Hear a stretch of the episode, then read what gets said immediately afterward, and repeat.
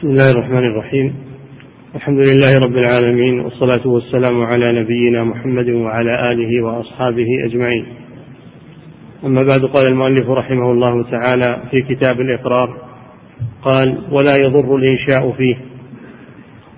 وله بسم الله الرحمن الرحيم. الحمد لله رب العالمين. صلى الله وسلم على نبينا محمد على آله وأصحابه أجمعين. الكلام عند البلاغيين منقسم إلى قسمين إخبار وإنشاء.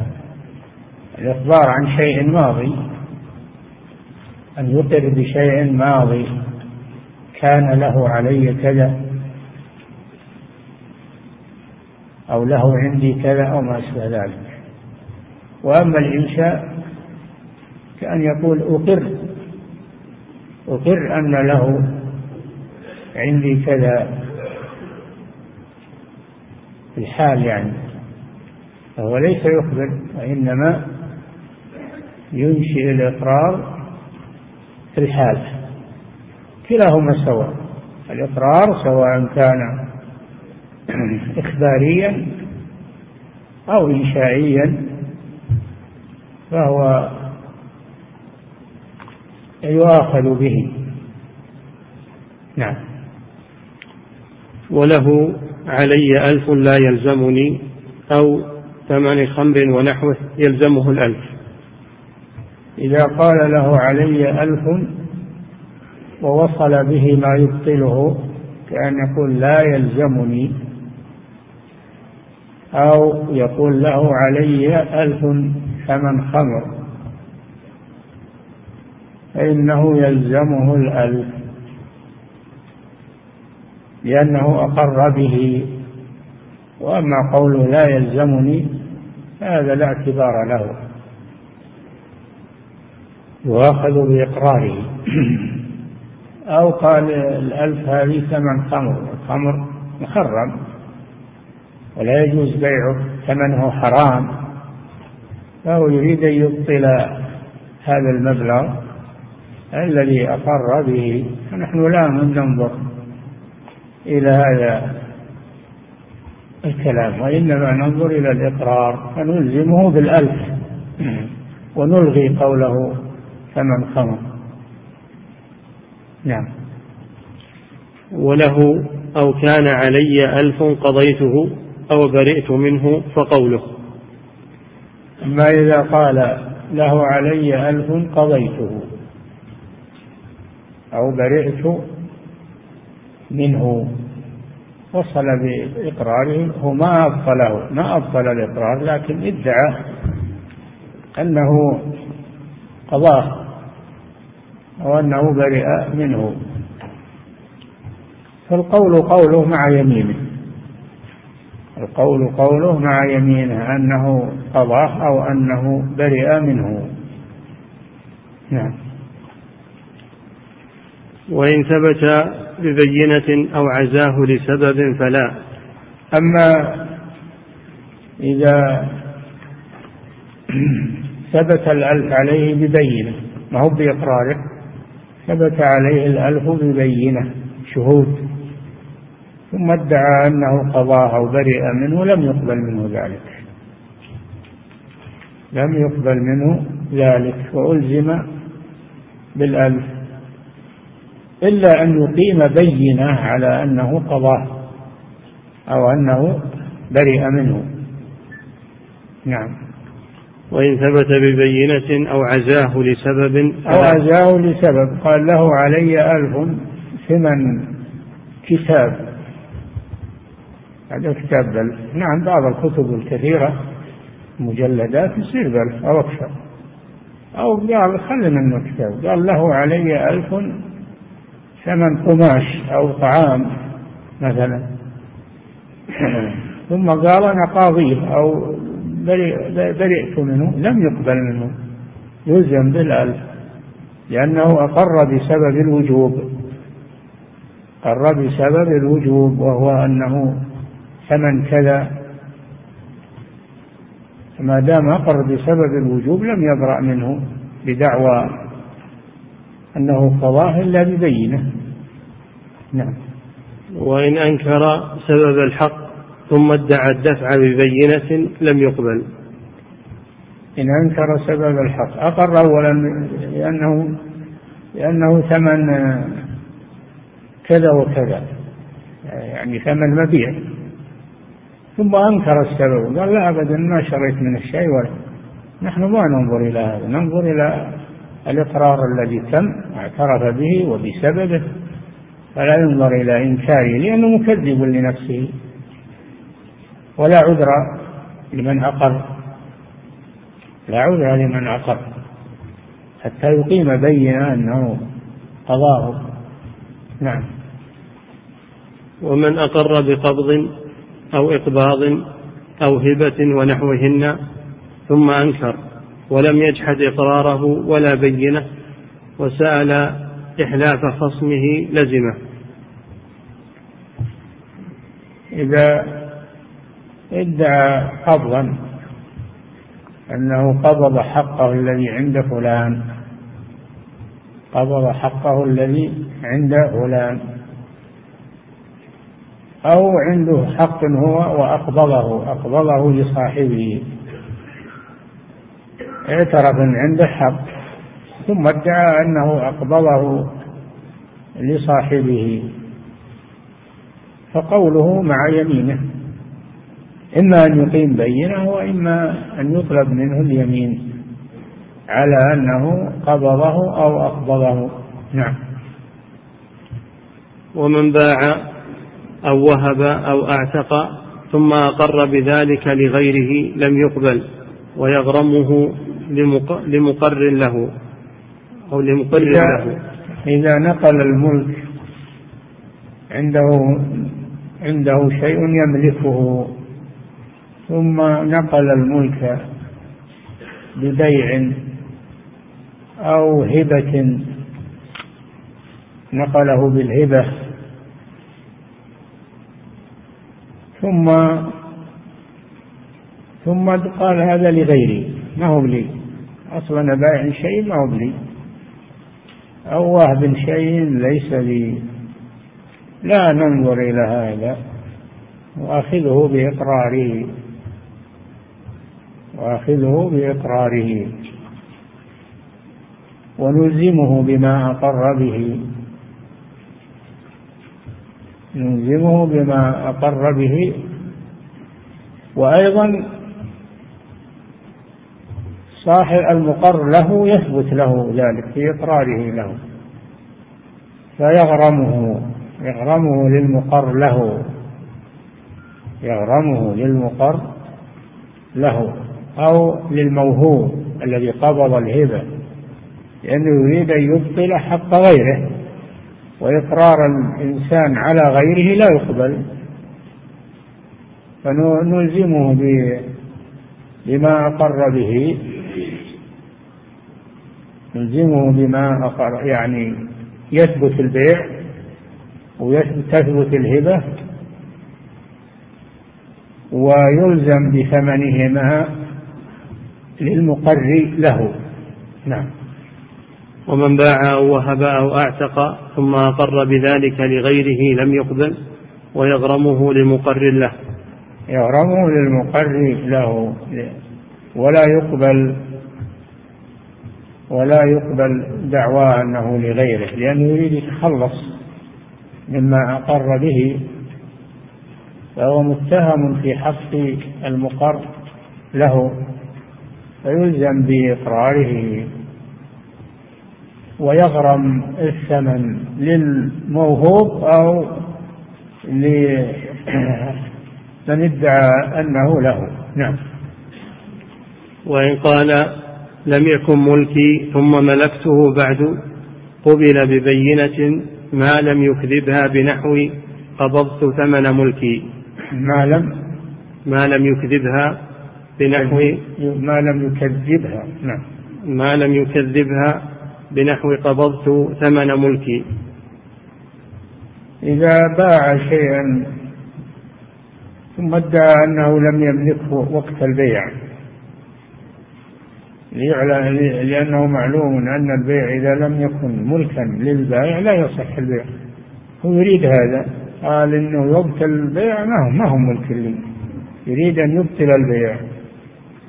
يريد أن يبطل البيع. لم يكن ملكي وقت البيع ثم ملكته بعد البيع. فهذا يقبل قوله بيمينه يحلف إنه وقت البيع ما هو ملك له لأنه يحتمل إنه صادق. فيقبل قوله بيمينه. نعم.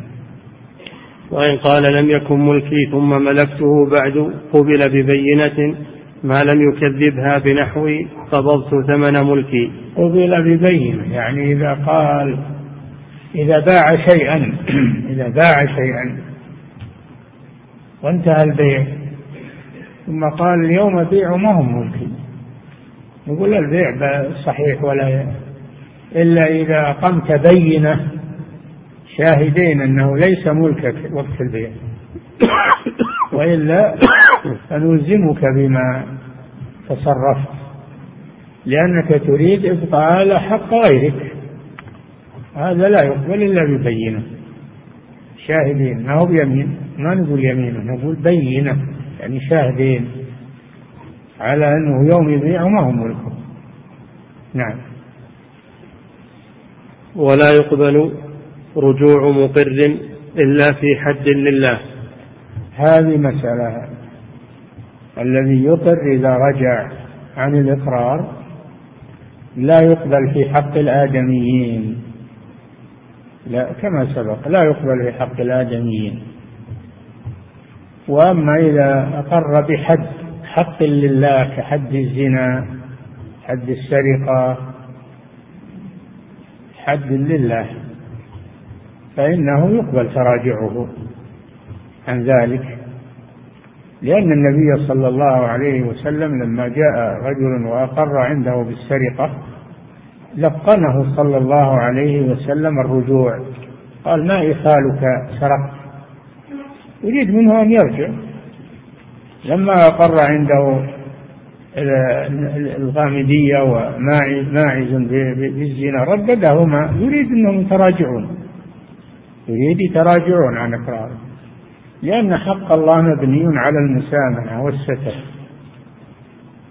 وأما حق المخلوق فهو مبني على المشاحة. فلو أقر بأنه قذف فلانا قذف فلانا ثبت عليه حد القذف. قال لا أبدا أنا أنا ما نبصاد وأنا نقول لا ثبت عليك الآن هذا حق مخلوق. فلا يسقط عنك. لأن حد القذف حق للمخلوق للمخلوق. أما حد الزنا والسرقة هذا حق لله عز وجل. نعم. وإن قال له علي شيء أو كذا أو مال عظيم ونحوه وأبى إذا أقر بالمجمل هذه يسمونها الإقرار بالمجمل. المجمل هو الذي لم يفسر. يقول له علي شيء هذا مجمل. شيء يحتمل القليل والكثير ويحتمل المال وغير المال شيء أو ها؟ أو كذا. أو له علي كذا وكذا ولم يفسر ولم يفسر ثبت عليه ما أقر به ويطلب منه تفسيره لأنه أدرى بكلامه. فنلزمه بالإقرار. ثم نكل التفسير إليه فإذا فسره بما يقبل قبل منه ذلك. قبل منه ذلك. نعم. لأنه لا يعرف تفسيره إلا هو. نعم. وإن أقر. وإن قال له علي شيء أو كذا أو مال عظيم ونحوه. أو مال عظيم لكن لم يفسره. وعظيم هذه يختلف عند الناس. كلمة عظيم يختلف عند الناس. ربما يكون شيء عظيم عند بعضهم وعند بعضهم الآخر ليس عظيما فهو محتمل. فيوكل تفسيره إليه. نعم. وإن قال له علي شيء أو كذا أو مال عظيم ونحوه وأبى تفسيره حبس حتى يفسر يطلب منه تفسيره. فإذا فسره بما يحتمل قبل منه ولو كان قليلا. أما إذا فسره إذا فسره بشيء باطل كأن قال ميتة الشيء اللي عندي اللي عندي له ميتة أو ثمن خمر لا يقبل منه ذلك. يحبس حتى يفسره. لأن هذا حق لغيره فإذا ما طلب بتفسيره يحبس حتى يفسره. نعم. وما تفسيره حبس حتى يفسره. ولأن هذا حق لغيره يحبس نعم. ويقبل بأقل مال. يقبل بأقل ما يتمول. لو قال عند عندي له شيء ثم طلب منه التفسير قال نعم هذا الشيء درهم. شيء قليل يعني أو قبضة من من طعام أو ما أشبه ذلك مما يتمول ولو قليل يقبل منه ذلك لأنه محتمل. نعم. ويقبل بأقل مال وبكلب مباح. ويقبل إذا فسره بكلب مباح النفع وهو كلب الصيد والماشية والحرث. قال له عندي شيء طلبنا منه التفسير قال نعم كلب. كلب صيد كلب حراسة يقبل منه ذلك لأن هذا شيء مو اختصاص هذا ما يسمى مال هذا يسمى الاختصاص انتفعوا به فيما رخص فيه الرسول صلى الله عليه وسلم فيقبل منه ذلك. نعم. ويقبل بأقل مال وبكلب مباح لا كلب مباح أما كلب محرم لا يقبل منه ذلك. مثل ما لو قال خمر ولا ولا ميتة ما يقبل لأن الكلب غير المباح آه، النفع هذا لا يجوز اقتناعه ولا الانتفاع به. نعم. ويقبل بأقل مال وبكلب مباح لا بميتة أو خمر. عندكم مكتوب لا بصبية. نعم. إي نعم. إيه تبون صبية أنتم؟ لا هذا غلط. خطأ مطبعي نعم. لا بميتة أو خمر أو قشر جوزة ونحوه. أو خمر لأن الخمر محرم وليس مالا. أو قشر شيء تافه لا قيمة له قشر جوزة قشر موز مثلا. ما هذا لا, لا يتمول أو تراب أو ما أشبه ذلك. لا يقبل منه هذا التفسير. نعم. لأن هذا ليس بشيء. نعم. وله تمر في جراب. إذا قال له عندي تمر في في جراب. جراب وعاء وعاء التمر. أو له عندي سكين في قراب يعني والقراب هو ما يحفظ به السلاح كالسيف والسكين. فإنه يكون مقرا بالسيف بالسكين أو بالتمر لكن لا يكون مقرا بالجراب الغلاف اللي عليه. لا يكون مقرا بالغلاف الذي عليه أو القراب. نعم. وله تمر في جراب أو سكين في قراب أو فص في خاتم. أو فص في خاتم. لأن الخاتم يتكون من شيئين. يتكون من الخاتم المحيط بالأصبع ومن الفص. فإذا قال فص في خاتم فيلزم بالفص ولا يلزم بالخاتم. نعم. أو فص في خاتم ونحو ذلك يلزمه الأول. يلزمه الأول السكين السيف التمر آه، الفص. يلزمه دون الثاني وهو ما آه، أضافه معه.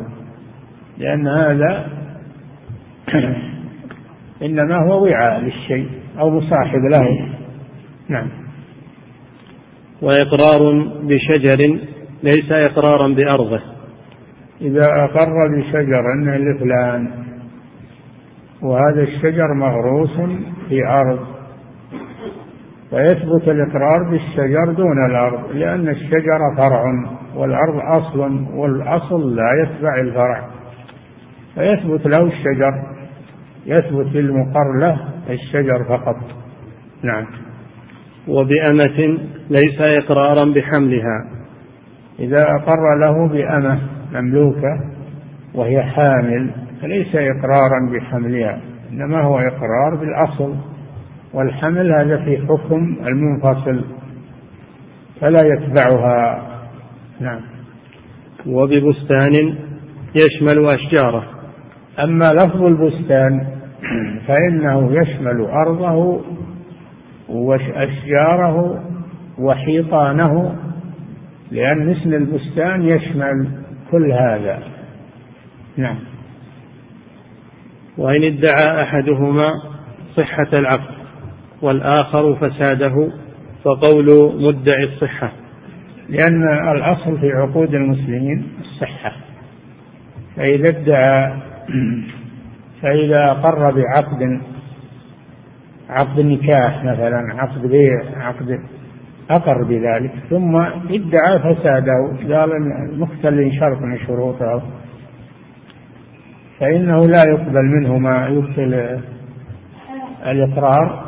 لأن الأصل في عقود المسلمين السلامة والصحة وهو متهم في إرادة إبطال الإقرار وإهدار حق الآخرين فلا يقبل منه ذلك ويلزم بما أقر به. نعم. وإن ادعى أحدهما صحة العقد والآخر فساده فقول مدعي الصحة والله سبحانه وتعالى أعلم بالصواب. تمت هذه النسخة النافعة إن شاء الله تعالى بعون الله تعالى وحسن توفيقه. نهار الأربعاء سادس عشر رمضان سنة أربع وخمسين وألف بقلم مؤلفها محمد البلباني الخزرجي الحنبلي. عفى الله عنه بمنه. نعم هذا مختصر. أقصر المختصرات يسمى. لأنه كما ترون قليل الألفاظ صغير الحجم والعلماء رحمهم الله كانوا في تعليمهم وتأليفهم كانوا يتدرجون مع الطلبة والمبتدئين فأول شيء يبدأون بالمختصرات. حتى يكون عندهم شيء من العلم أساس من العلم. ثم يتدرجون بهم ويتوسعون بهم شيئا فشيئا. هذا من الحكمة في التعليم. هذا من الحكمة في التعليم. ولكن كونوا ربانيين بما كنتم تعلمون الكتاب. قالوا معنى رب ربانيين بما كنتم تعلمون الكتاب هو الذي هو الذي يبدأ الم...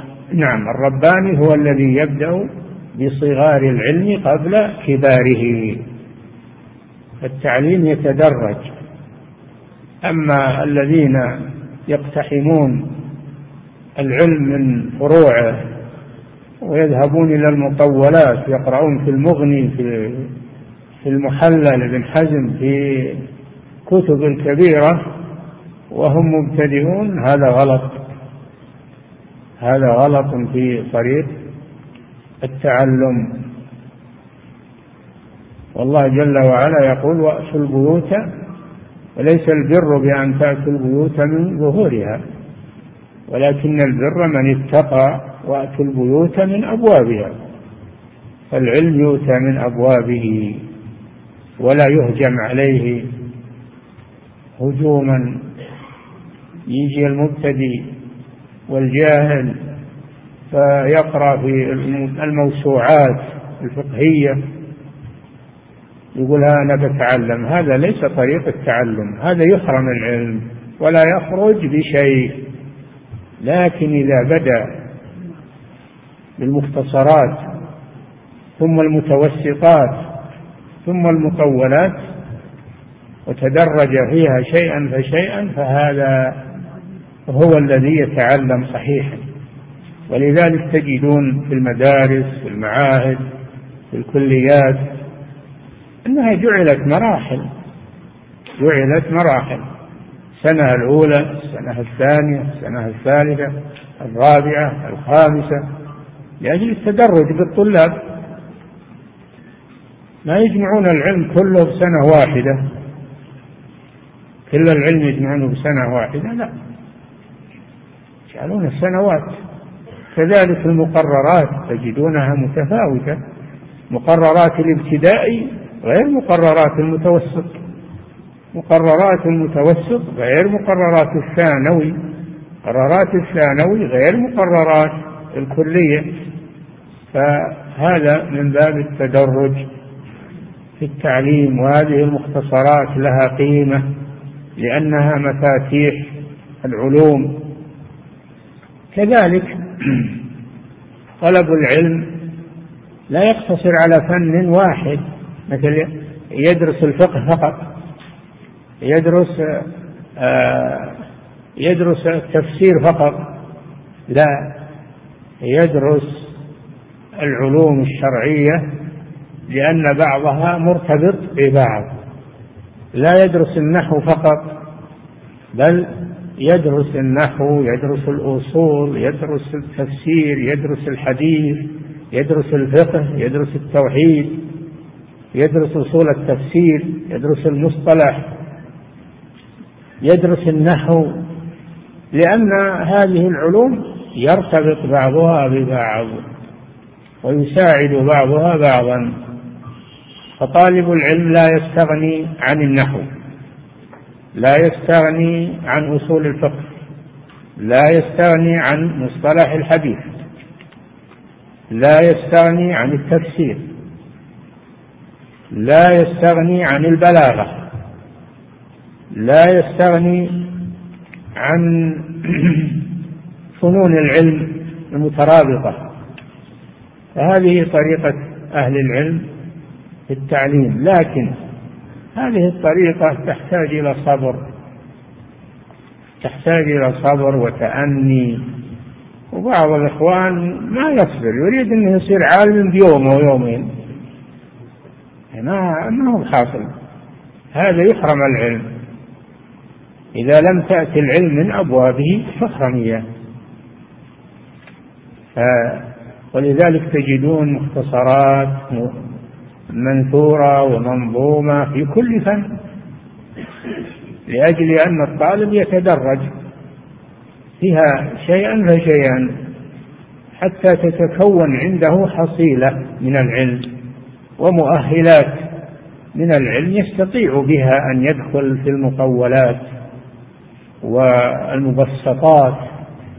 أما أنه يجي وهو خالي الوفاض وخالي الذهن من العلوم ومبادئ العلوم. يجي وينغمس في بحور العلم. هذا يطلع ما معه شيء. بينما أنه يتعب. ربما يظن أنه عالم وهو جاهل. ويضر أكثر مما ينفع. يضر نفسه ويضر الناس أكثر مما مما ينفع. إن كان عنده نفع. وما حصل من ما حصل من الضرر من الخوارج والمعتزلة في الزمان الأول إلا بهذه الآفة أنهم هجموا على العلم من غير بصيرة واعتزلوا عن العلماء بل خونوا العلماء وتكلموا فيهم خونوا الصحابة والتابعين وعلماء السلف ورموهم بالقصور. وخلوا بأنفسهم وأشباههم فخرجوا على المسلمين بالآراء آه، بالآراء الغريبة والأفعال القبيحة وكفروا المسلمين واستحلوا دماءهم. هو نفس الحاصل الآن. هو نفس الحاصل الآن. فشباب اعتزلوا عن العلماء. وحرموا الدراسة في المدارس وعلى المشايخ وانعزلوا على أنفسهم ومع أشباههم. حصل منهم ما حصل من الخوارج من قبل ومن المعتزلة. فصار عندهم أفكار غريبة. المعتزلة إنما سموا معتزلة لأنهم اعتزلوا مجلس الحسن البصري رحمه الله. اعتزلوه. لما قال إن مرتكب الكبيرة يكون ناقص الإيمان يكون فاسقا وليس كافرا هم قالوا لا يكون كافر. مرتكب الكبيرة يكون كافر. واعتزلوا مجلس الحسن ورموه بأنه مداهن وأنه فحصل منهم ما حصل. وأول من اعتزل وقادهم هو واصل بن عطاء الغزال. لأنه كان من تلاميذ الحسن. فاعتزل عن شيخه بسبب أنه خالفه في الفهم. يريد أنه يكفر المسلمين بالكبائر. والحسن على مذهب السلف الصحابة والتابعين لا يكفر بالكبيرة التي دون الشرك وإنما يقول تنقص الإيمان ويفسق تفسق صاحبها فهو مؤمن ناقص الإيمان. مؤمن فاسق. بمعصيته ولا يكون كافرا. فلما خالف مرادهم اعتزلوا. وحصل ما حصل. فينبغي التنبه لمثل هذه الأمور وهذه القضايا وهذه المختصرات.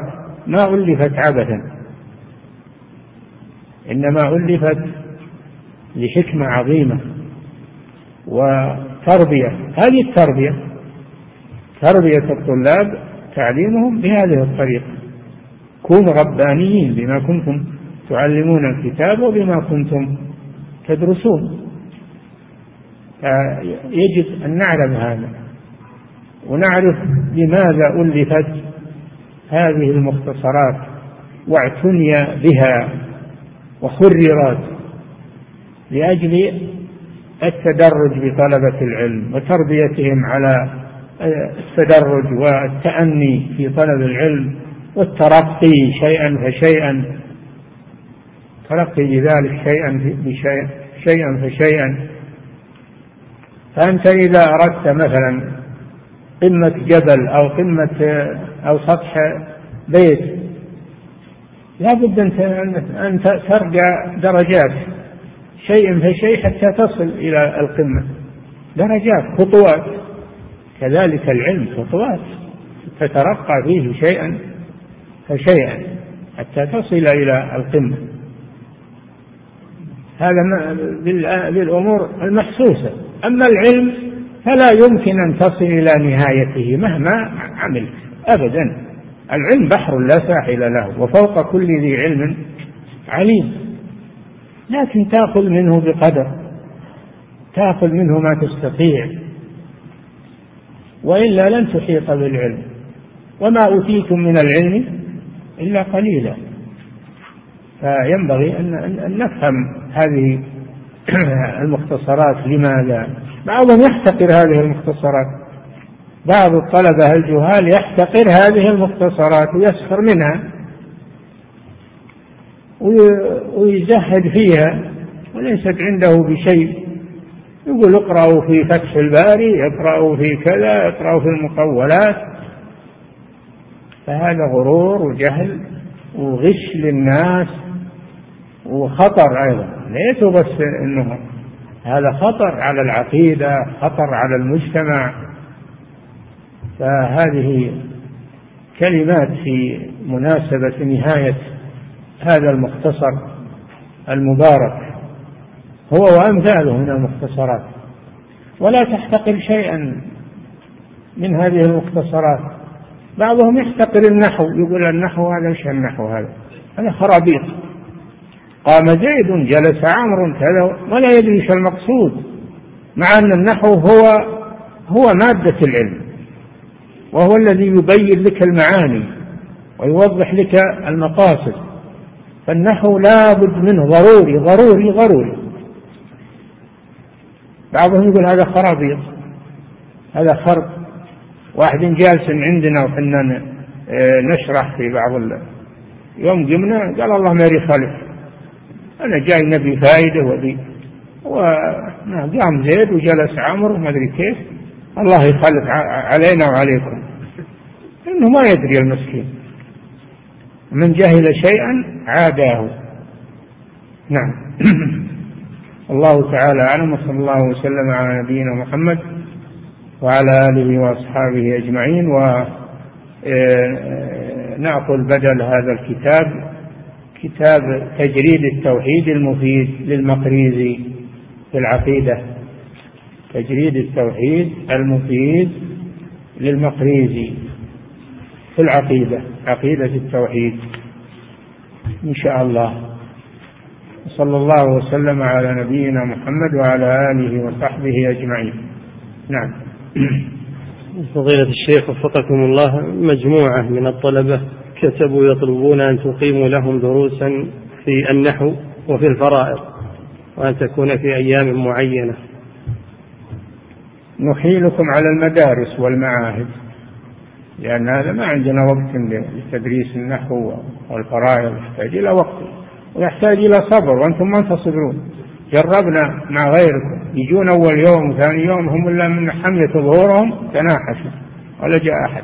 لأن النحو صعب. أنا خابر أن النحو والفرائض صعب. يحتاج إلى صبر.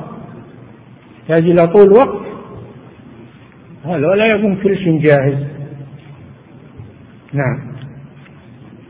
يقول فضيلة الشيخ وفقكم الله يقول ما الكتب التي تقترحونها في التدرج في تعلم الفقه والعقيدة والحديث وكذا التفسير.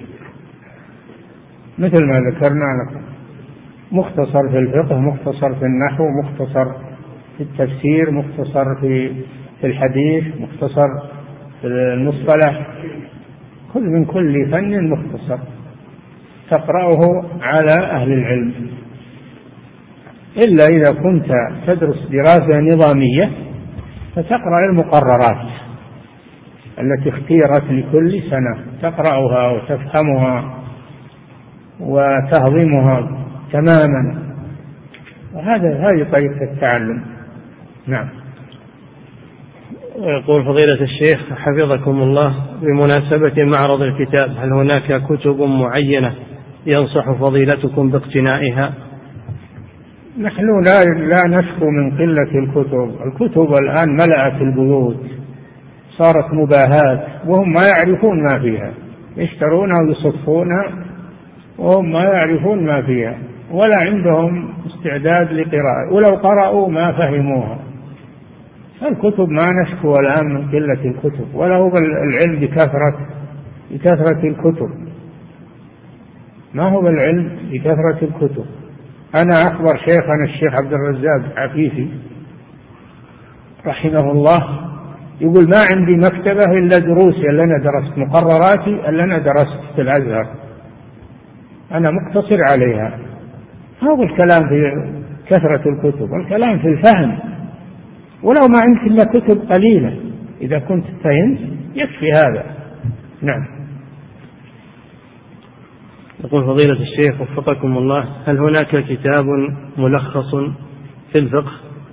نعم. يقول هل هناك كتاب ملخص في الفقه تقترح أن نهتم به ويكون بلغة العصر؟ الكتاب اللي خلصتم منه. وزاد المستقنع والدليل كلها كتب مختصرة في الفقه. وما هو بالشان في الكتاب؟ الشان في المدرس. الشان في المدرس الذي يشرح هذا المختصر ويوضحه. نعم. يقول فضيلة الشيخ وفقكم الله هل هذا الحديث صحيح؟ لا عذر لمن أقر. إي نعم ما هو بحديث هذا؟ هذا كلام من أهل العلم فيما أظن يغلب على ظني أنه من كلام أهل العلم. مأخوذ من الحديث. نعم. يقول فضيلة الشيخ وفقكم الله ما معنى هذه القاعدة؟ النية في اليمين تخصص العام ولا تعمم الخاص إلا في اليمين عند القاضي. والله هذا شيء ما ما أعرفه الكلام هذا. لكن لكن الفقهاء يقولون في باب جامع الأيمان باب يسمونه جامع الأيمان. قالوا يرجع في اليمين إلى نية الحالف هذا أول شيء. فإن لم يكن له نية فيرجع إلى سبب اليمين وش اللي هيجها وسببها؟ فإن لم يكن هناك سبب يرجع إلى العرف إلى الاسم العرفي. فإن لم يكن فإنه يرجع إلى إلى ما إلى ما ينطبق عليه الاسم. لأن الحقائق عرفية ولغوية وشرعية عندهم. نعم. يقول فضيلة الشيخ وفقكم الله رجل حلف يمينا على رجل آخر بأن يأخذ هذا المال. رجل, رجل حلف يمينا على آخر أن يأخذ هذا المال فلم يأخذه فهل عليه كفارة يمين؟ نعم. لأنه خالفه المحلوف عليه خالفه ولم يتحقق اليمين يكون عليه كفارة يمين. نعم. يقول فضيلة الشيخ وفقكم الله وهبت أحد أقاربي أرضا حياء منه وما زال الصك باسمي وقد عدت في هبتي لحاجتي لهذه الأرض فهل علي إثم؟ وما معنى قول النبي صلى الله عليه وسلم العائد في هبته كالعائد في قيئه؟ إذا كان الموهوب قبض الهبة فلا يجوز الرجوع فيها إلا للوالد فيما يهبه لولده. أما غير الوالد فلا يرجع وينطبق عليه الحديث العائد في هبته كالكلب يقيء ثم يعود في قيئه. فلا يجوز هذا. الرجوع في الهبة لا يجوز. إذا كان قبض وقبض الأرض بإعطائه صكها والتخلية تخلية آه، الموهوب له بينه وبين الأرض. إذا خلي بينه وبينها هذا القبض. نعم. يقول فضيلة الشيخ وفقكم الله لو أقر بكلب مباح قد تلف فهل عليه أن يشتري غيره ويعطيه له؟ ما يباع الكلب كيف يشتري غيره؟ يروح يجيب كلب ثاني ويدربه ويعطيه نعم.